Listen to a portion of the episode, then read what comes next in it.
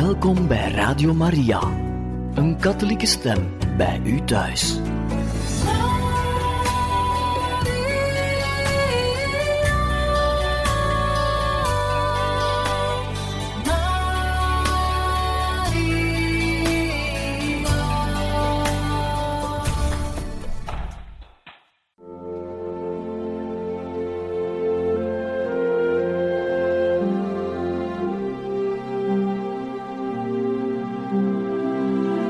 Beste luisteraars van Radio Maria, welkom bij het programma Catechismus. Een overweging bij de geloofschat van de kerk.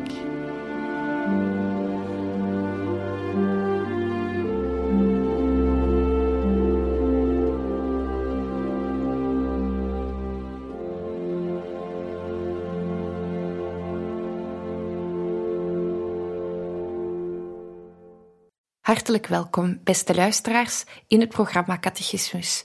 Intussen zijn we toegekomen aan de derde en laatste aflevering over het gebed in de school van de heilige Dominicus, gebracht door zuster Mary Amata.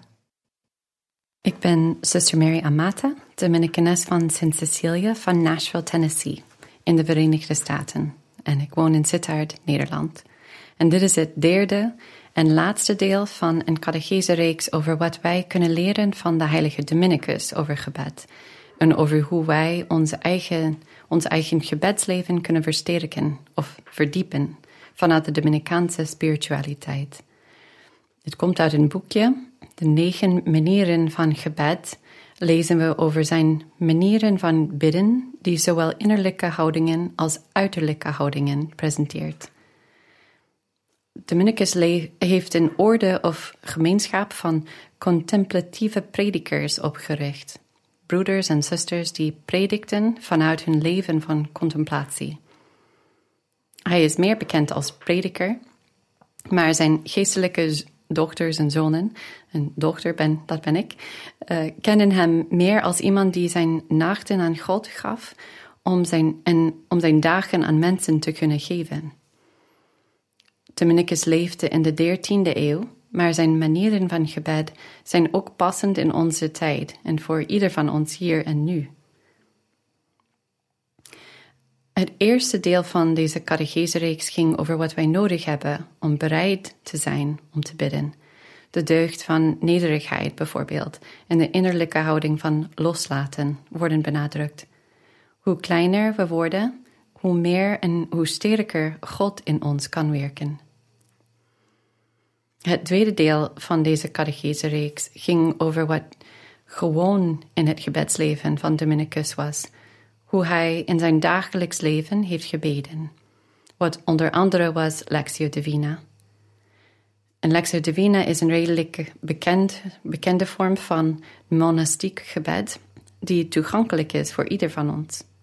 Je hoeft geen religieus te zijn om de Bijbel te kunnen lezen en overwegen, en ook niet om een contemplatief gebedsleven te leiden. Dat kan iedereen. Dominicus had ook het knielen en opstaan als zijn gewone manier om te bidden, met zijn ziel en lichaam. Knielen is ook een bekende houding van gebed, hoewel anderen het als zijn speciale kunst beschouwden. Hij heeft uren doorgebracht met te knielen en meer opstaan, keer op keer achter elkaar. Dit was zijn gewone gebed, wat mensen hem dagelijks zagen doen. Nu in dit laatste deel van de catechese-reeks gaan we het hebben over het ongewone gebed van de heilige Dominicus.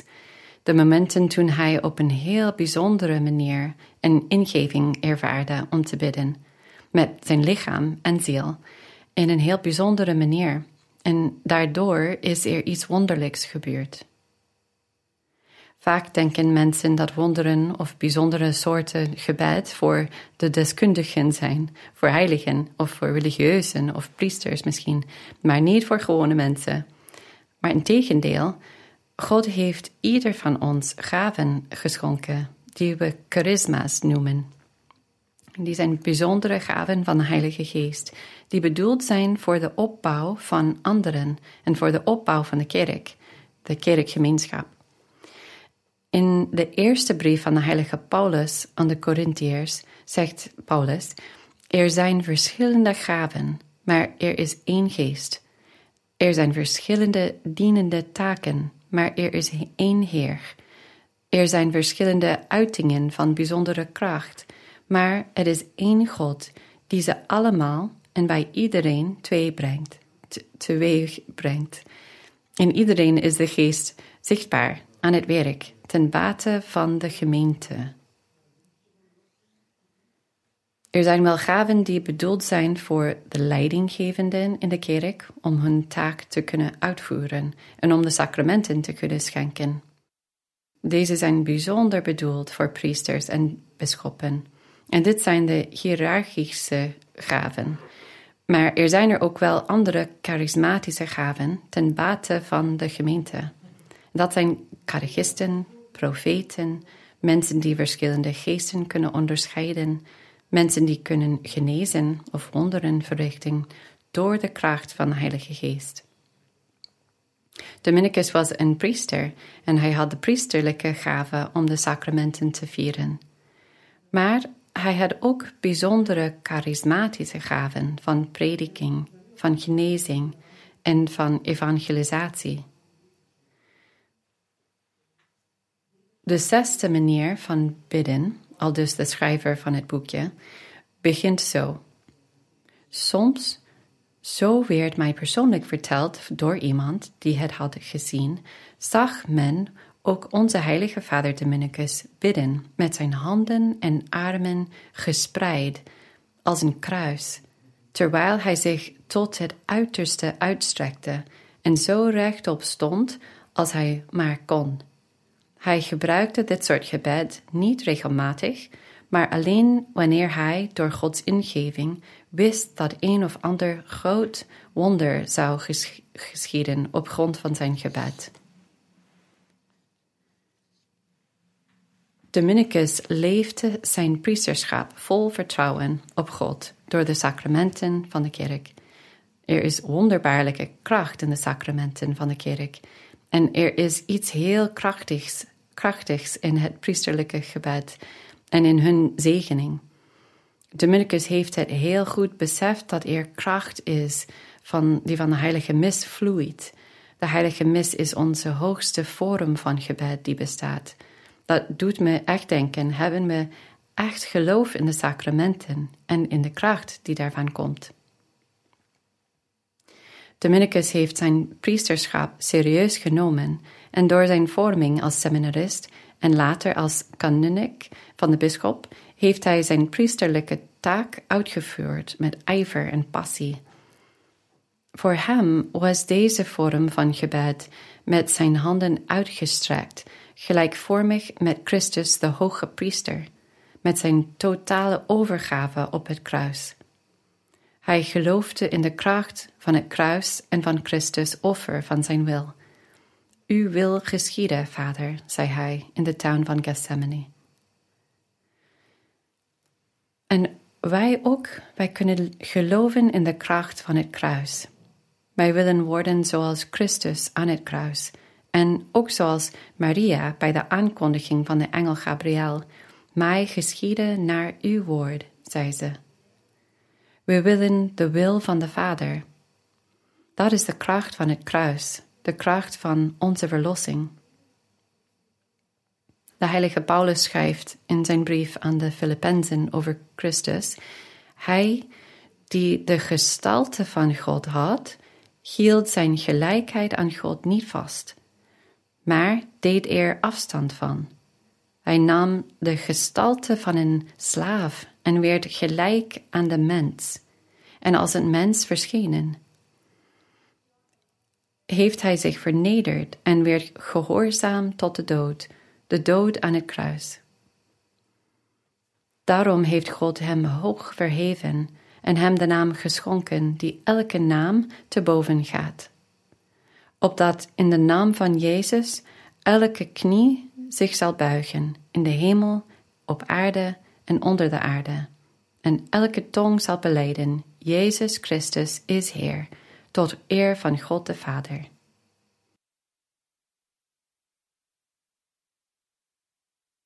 Er wordt gezegd dat Jezus afstand deed van zijn gelijkheid aan God. Hij heeft zich vernederd, hoewel hij God is. En wij, kunnen wij afstand doen van onszelf, leeg worden van ons egoïsme, van onze hoogmoed, van alles wat ons gevangen neemt. Er is een vers van een lied dat zegt: Minder van ons, God, en meer van U. Net zoals Johannes de Doper kunnen we ook zeggen: Hij moet groter worden en ik kleiner. Helemaal open voor de wil van God. Nou, Dominicus was wel priester toegewijd aan God. Maar als leken, door ons doopsel, horen wij bij het priesterschap van alle gelovigen. Met andere woorden, soms zeggen mensen de gemeenschappelijke priesterschap. Door ons doopsel worden we priester, profeet en koning. Dit zijn wij op een andere manier dan een specifieke roeping van een priester of een profeet of een koning die aangesteld is door, door de mens of door God om een land te beheersen, bijvoorbeeld. Net zoals koning David in het Oude Testament. Maar we hebben een priesterlijke rol, een profetische rol, een koninklijke rol in de wereld en in de kerk. De catechismus van de katholieke kerk zegt eh, in nummer 941: De leken nemen deel aan het priesterschap van Christus. Zij ontplooien steeds nauwer met hem verenigd de genade van het doopsel en het vormsel in alle dimensies van het persoonlijk leven, het gezinsleven, het sociale en kerkelijke leven, en, zijn verwezen, en zij verwezenlijken zo de oproep tot heiligheid die tot, tot alle gedoopten gericht is. In de volgende, het zegt, dankzij hun profetische zending zijn de leken geroepen om in alle omstandigheden in het hart van de menselijke samenleving getuigen van Christus te zijn. Dat is een profetische zending. Om te getuigen van Christus in de samenleving. En het laatste van de catechismus, dankzij hun koninklijke zending hebben de leken de macht aan de zonde haar heerschappij te ontnemen in zichzelf en in de wereld, door hun zelfverloochening en de heiligheid van hun leven. Waarom zeg ik dit alles? Omdat leken ook wonderen kunnen verrichten door de kracht van de geest. Het boekje van Dominicus en zijn gebedsleven over, uh, ja, over het gebed zegt: Dit maakt het voor iedere vrome gebedsmens mogelijk de leer van deze pater te begrijpen, die op deze wijze bad, met zijn handen uitgestrekt. Wanneer hij door de kracht van dit gebed buitengewoon bewogen wilde worden tot God, of liever wanneer hij zich op een bijzonder expansieve wijze door God bewogen voelde, door een of andere bijzondere genade voor zichzelf of voor iemand anders. Catharina van Siena, de heilige van de 14e eeuw, wist het volgende wel: omdat we willen wat God wil, ontvangen we dat waarvoor we bidden. En dat kost vernedering, stilte, tijd, openheid voor Gods wil. Maar als wij naar de stem van de liefdevolle Hemelse Vader luisteren en Zijn wil erin volgen, kunnen wij ook bewogen worden om te bidden voor iets dat niet door onze eigen wil komt en ook iets dat gebeurt volgens de wil van God. Grotere of kleinere wonderen kunnen gebeuren. Soms voel ik me bewogen om iets te zeggen tegen iemand of iets te doen dat plotseling in mijn hoofd komt door gebed. Het bestaat niet uit gevoelens alleen of instinct, maar het komt zeker van ergens anders vandaan. Totaal onverwacht. Ik weet ook hoe God in mij spreekt. Of het iets dat ik alleen bedacht heb of iets dat van Hem is. En soms weet ik het niet, maar Het is voor mij beter om iets te zeggen dan het voor mij te houden. En dan zie ik dat het zeker iets van God was in de reactie van de ander. Als wij onze eigen agenda en wil loslaten en als we erop vertrouwen dat Hij zal spreken, spreekt Hij in onze harten voor het goede van anderen, zijn vaderlijke hart voor de ander. En net zoals Mozes in het boek Exodus met zijn armen opgegeven in gebed, en net zoals Elia in het boek Koningen een jongen vanuit de dood weer tot leven heeft gebracht, toen hij zich driemaal over het kind uitstrekte, net zoals Christus aan het kruis met uitgestrekte handen heeft gebeden, kunnen wij ook onze handen naar God uitstrekken. Zoals in de Psalm 88 luidt: Ik roep u aan, Heer, elke dag. Ik strek mijn handen naar u uit. Of in Psalm 143: Ik strek mijn handen naar u uit, dorstig als een droog, als droge aarde, Heer. Geef mij antwoord. Haast u, mijn kracht is uitgeput. Dus probeer het maar eens als het je ingegeven wordt om jouw handen uit te strekken in de vorm van een kruis, biddend voor de wil van God. We bidden samen. In de naam van de Vader en de Zoon en de Heilige Geest. Amen. Wij roepen u aan, Heer, en wij strekken onze handen naar u uit. Kom ons helpen. Kom ons versterken. Verricht uw wonderen door ons gebed, vooral als u het ingeeft. Laten we uw stem horen in onze harten en laat ons bidden zoals u ons ingeeft. Amen. En we luisteren nu naar een stukje muziek en we komen zo terug.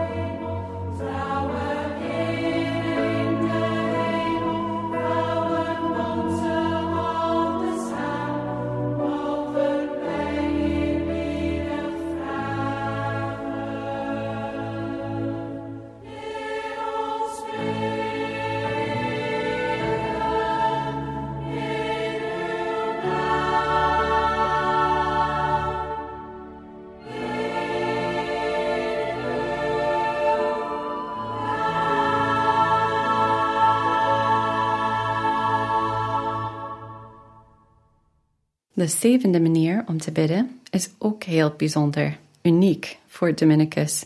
Al dus het boekje, het zegt, hij werd ook vaak aangetroffen terwijl hij zijn hele lichaam naar de hemel strekte in gebed, als een pijl die recht uit een boog werd geschoten. Hij had zijn handen boven zijn hoofd uitgestrekt en ingestrengeld of eensgezin opend, open, alsof hij iets uit de hemel wilde opvangen. En men gelooft dat hij op zulke momenten een vermeerdering van genade ontving en in vervoering werd, hij, werd gebracht, en dat hij zijn gebed van God de gaven van de Heilige Geest verwierf voor de orde die hij had gesticht, en voor hemzelf en zijn broeders zoveel vreugde en plezier in het praktijk, praktijk brengen van de zaligsprekingen. Dominicus heeft de woorden van Psalm 28 gebeden, die zeggen: Hoor mijn smeekbeden als ik u om hulp roep, als ik mijn handen ophef naar het hart van uw heiligdom. Dominicus smeekte God om de gaven van de Heilige Geest voor zijn orde, en ze werden geschonken. Hij bleef niet lang in dit soort gebed, maar het leek alsof hij van een lange reis aankwam. Maar nadat hij zo'n gebed had ervaren, heeft hij zich gedragen als een profeet. Hij was vader voor zijn broeders, meester van de nieuw, zijn nieuwe orde en prediker. Dit zijn de sferen waarin hij profetisch handelde, wat nodig was voor het begin van een nieuwe orde in de kerk. Wat van belang is voor ons, is dat hij een uitstorting van de Heilige Geest heeft er gehad vanwege zijn gebed. Wij kunnen ook bidden voor een uitstorting van de Heilige Geest in ons eigen leven. Een vervulling van de Heilige Geest die alles nieuw maakt. Dominicus heeft dit soort gebed aan al zijn broeders geleerd. Hij heeft Psalm 134 uitgeroepen: Hef uw handen op naar het heiligdom en zegen de Heer. En ook Psalm 141 mijn gegeven handen als een avondoffer. Een leven in de Heilige Geest is een gewoon christelijk leven, je zou kunnen zeggen. Een leven in navolging van Jezus en leven vanuit de zaligsprekingen, de geboden en de evangelische raden volgens jouw staat in het leven. En die, van, die ons allemaal vrijmaken van de slavernij van de zonden. Dit zijn ingewikkelde woorden voor mensen die geen kerkelijke taal spreken, maar ik raad iedereen die meeluistert aan eerst even te bidden met de zaligsprekingen van Jezus. Ze zijn te vinden in het Evangelie volgens Matthäus, in hoofdstuk 5, versen 2 tot en met 12, en ook in het Evangelie volgens Lucas, hoofdstuk 6, versen 20 tot en met 26. Lees hen door, denk erover na, bid erover en smeek God dan een hart te hebben, net zoals Dominicus, die zich gezegend voelde om te leven vanuit dat zaligsprekingen. Dat zal nog een reeks kunnen zijn over de zaligsprekingen, maar ik laat het hierbij voor, voor nu. We eindigen met een laatste manier van bidden. Dat is een bonus. Zijn laatste manier om te bidden, volgens het boekje, is niet per se een manier, maar Dominicus bad overal. Iemand zei eens: Dominicus weert een gebed. Hij was altijd in de aanwezigheid Gods, op reis of thuis. Iemand vroeg eens aan een Dominicaan naar de Dominicaanse manier van bidden. Dat was recent. En het antwoord was: We hebben geen andere geheim dan het geheim van het evangelie. En wat is dat geheim? Bid en blijf volharden. Dus laten we voor een laatste keer, laten we voor een laatste keer even kort samen bidden.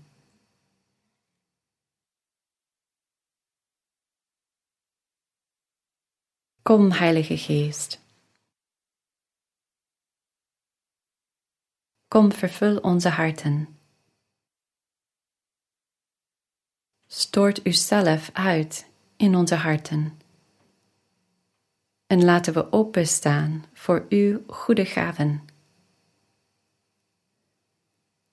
Help ons bidden, omdat we het niet helemaal precies weten hoe te bidden. Spreekt uw woorden in onze harten. Borrel ze op vanuit de diepte van onze harten. Geef ons uw heilige ingevingen en help ons uw lief te hebben, zodat wij, net zoals Dominicus, naar u toe mogen gaan. En help ons vanuit uw geest te leven, ieder stapje van ons leven. In Jezus' naam en in de liefde van onze Hemelse Vader. Amen.